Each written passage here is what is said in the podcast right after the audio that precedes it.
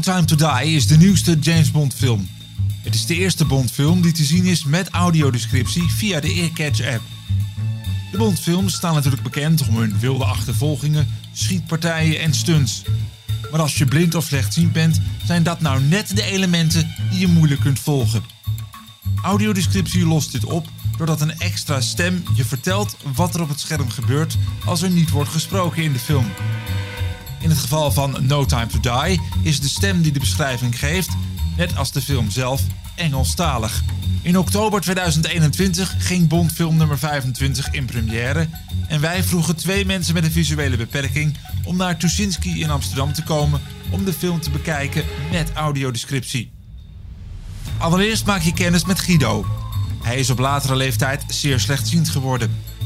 Voor hem was het kijken van een James Bond film met audiodescriptie een hele nieuwe ervaring. Voor mij was de stap om dit te doen eh, best wel groot. Want het is toch een andere type film als wat ik gewend ben te kijken met uh, uh, Earcatch, hè, met audiodescriptie. Maar door dit en door ja, andere dingen op je te laten inwerken, blijft het toch een, wordt het toch een mooi geheel eigenlijk. Er zijn dingen weggevallen, maar je let ook op andere dingen. Dus ik vond het een hele indrukwekkende ervaring, al met al. Toen Guido nog goed kon zien, keek hij al naar films met 007 in de hoofdrol. Het was een van mijn uh, favoriete films altijd eigenlijk al. Ja, ja goed, ik keek ze uh, de bioscoop, maar ook uh, thuis via internet. En eigenlijk ingegeven door mijn vader, die was al een grote fan van. En dan neem je dat natuurlijk als kind ook een beetje over. En zo word je, ja, ik, ik ben er eigenlijk een beetje mee opgegroeid. Hè, van de oudste films tot, tot en met, ja, de laatste die ik eigenlijk als als ziende heb gezien was in, ik meen in 2013. Uh, weet jij dat nog? Of uh, Skyfall? Skyfall.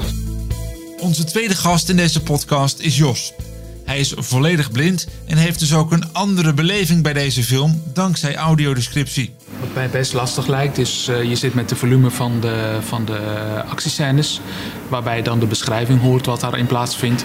En dan moet je uh, soms even heel goed door, de, door die herriebak heen luisteren wat in de audiodescriptie wordt verteld. Ja, je moet een beetje experimenteren met het volume hè, op een gegeven moment. En het Engels, uh, dat is in het begin heel even wennen, maar dat, na een kwartier ben je er eigenlijk helemaal, ga je er helemaal in op. Guido en Jos zijn beide erg blij met de mogelijkheid van audiodescriptie. Sterker nog, Jos vindt dat de mogelijkheid er eigenlijk altijd moet zijn. Ik vond het eigenlijk nu standaard. Het is uh, aan de ene kant iets wat ik eigenlijk gewoon nu verwacht. Ten slotte, uh, er wordt geproduceerd uh, wereldwijd op verschillende tonelen. En je vindt audiodescriptie in de streamingdiensten terug. En het lijkt mij juist getuige van standaardisatie dat dit moet worden meegenomen. Dus vond ik het vreemd? nee. Vond ik het prettig? Eigenlijk had ik wel zoiets van fijn dat ik het gewoon in de bioscoop kan kijken en niet hoef te wachten tot ik mijn audiodescriptie via mijn streamingdienst kan gaan beluisteren. Ja, de combinatie van uh, audiodescriptie, uh, maar ook de, de, de explosie van geluid wat er afkomt. Dat is wat ik al zei. Ik maak nu toch op een andere manier gebruik van de, de dingen die ik nog heb. Hè. Ik kan nog goed luisteren. Dan maakt dat toch een hele mooie indruk in de bioscoop. En dan ja, toch door de audiodescriptie kun je het verhaal gewoon veel beter volgen als dat je het alleen uh, ja. met, met de dialogen moet doen. Eigenlijk. Je krijgt natuurlijk wel een sfeer mee, hè? Sfeer ja. van, van, van de bioscoop. Dat je met echt. mensen op, uh, ja. met andere mensen uh, ook in, weer in een zaal zit. En het is anders op de bank met je surround system of met je, je Dolby atmosferische geluid om je heen, dan, uh, dan is dit toch, ja, omdat het wat groter aanvoelt, is het ook wat prettiger. Ja, het is echt een aparte sfeer in de bioscoop. En dat, dat helpt je toch, uh, dit item helpt je toch uh, over een hobbel heen te stappen om toch naar die film te gaan kijken. Ah, als visueel beperkt. Wat ik heel belangrijk vind van, van, uh, van de app Earcatch is dat je bent niet meer afhankelijk van losse apparaatjes. je kan naar een willekeurige bioscoop gaan met willekeurige vrienden en kennissen of familie. En je kan dan gewoon meegaan om je film ook mee te gaan luisteren. En niet dat je ehm, zeg maar alleen maar een paar bioscopen hebt waar dat beschikbaar is. En daar wordt vaak naar het buitenland gekeken. Uh, er werd altijd aangegeven, in Engeland heb je heel veel audiodescriptie, ja. Maar dat zit vaak hardware in de, in de bioscoopomgeving ingebakken. Dus met aparte kastjes, net als wat we daar vroeger in Nederland ook mee geëxperimenteerd hebben.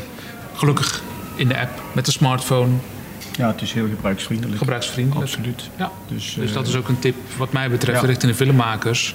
Ehm, zorg en blijf ervoor zorgen dat je dit gewoon eh, blijft toepassen. Want je bereikt er niet alleen een, eh, een nieuw en een trouw publiek mee, maar je zorgt ook gewoon dat de inclusie, dus het mee kunnen doen, gewoon blijft. Als je een visuele beperking hebt, kun je dus naar de bioscoop gaan als een film audiodescriptie heeft via de Earcatch-app. Toch zien Jos en Guido in hun omgeving mensen die een drempel over moeten. Bijvoorbeeld omdat audiodescriptie voor hen geen meerwaarde zou hebben.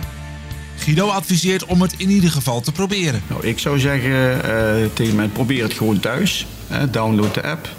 Eh, zoek een eh, tv-serie uit die wellicht je interesse wekt. Probeer het gewoon thuis uit, rustig op de bank, experimenteer ermee. Doe er wat ervaring op en, nou, en ga dan misschien een keer de stap maken naar, naar de bioscoop. Dan weet je hoe het werkt en ja, dan, dan denk ik is de, de, de stap of de hobbel wellicht wat minder groot. Omdat nu met tv-programma's is, komt het ook steeds dichter bij de mensen. Eh, nou, dan gaat het steeds dichter naar de mensen toe, moet ik zeggen eigenlijk. Hè. Dus je kunt gewoon lekker thuis op je bank, je eigen omgeving, kun je genieten van wat Earcatch te bieden heeft. Ja, dat is natuurlijk wel een groot voordeel. Ik denk dat de hobbel voor het gebruik van Earcatch minder groot is dan de hobbel van het gaan naar de locaties. Eh, de massa eh, grote locaties, eh, denk aan de, aan de 3D, 4D eh, bioscoopomgevingen. Dit is dan een wat kleinere ruimte. Ehm, eh, mensen kunnen ook makkelijker even om assistentie vragen. Worden ook als ze binnenkomen netjes te woord gestaan. Er wordt ook niet, zo, er wordt niet moeilijk gedaan van oké, je kunt het niet zo goed zien.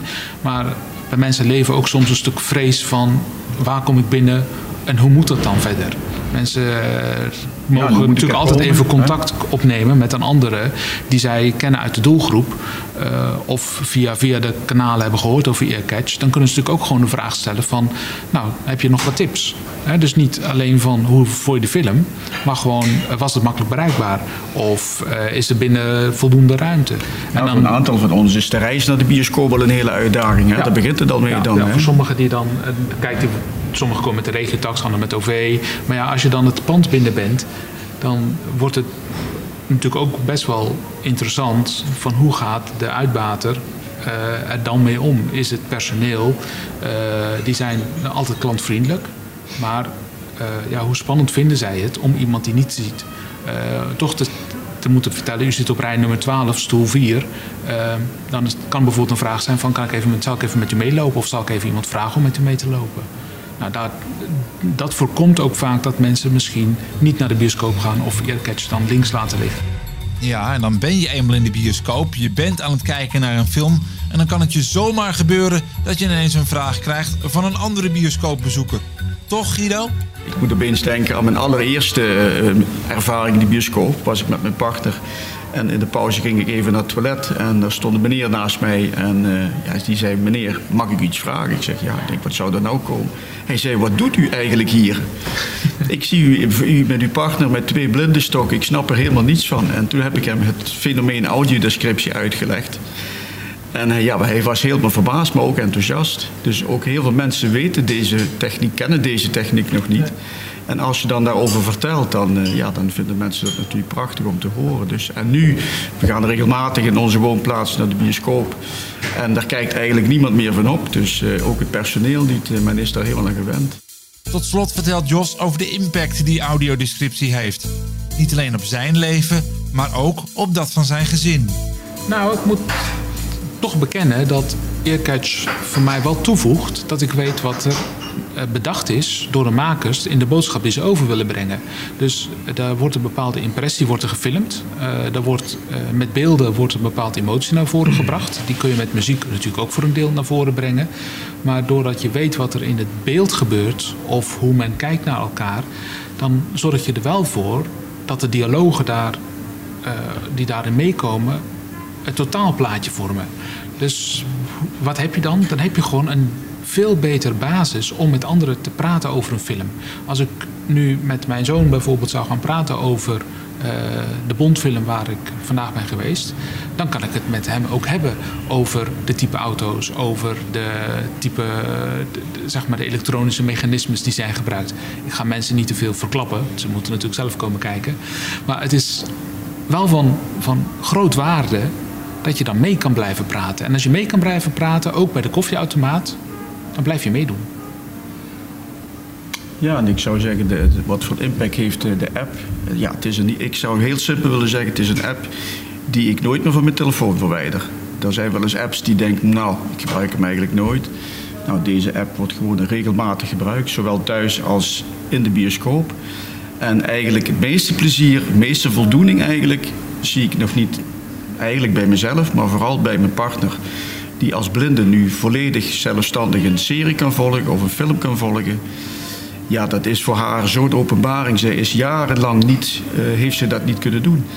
Uh, in de tijd dat ik gewoon kon zien en toen ik haar ook nog niet kende. Maar nu kunnen we gewoon samen met onze beperking toch dit soort dingen doen. En inderdaad, wat Jos zegt, je kunt daar dan ook over meepraten met andere mensen. Dat is ook uh, ja, meedoen en inclusie. Ja, het, het, is echt een app waarvan ik denk, dit is wel een van de meest waardevolle apps die ik op mijn telefoon heb staan. Zonder meer. Tot zover de ervaringen van Guido en Jos. En tot zover ook deze podcast met dank aan Ellen Schut van de Stichting Audiovisuele Toegankelijkheid. Wil je nou meer weten over audiodescriptie zelf of over de vele manieren waarop het gebruikt kan worden? Kijk dan op www.allesoveraudiodescriptie.nl. Radio 509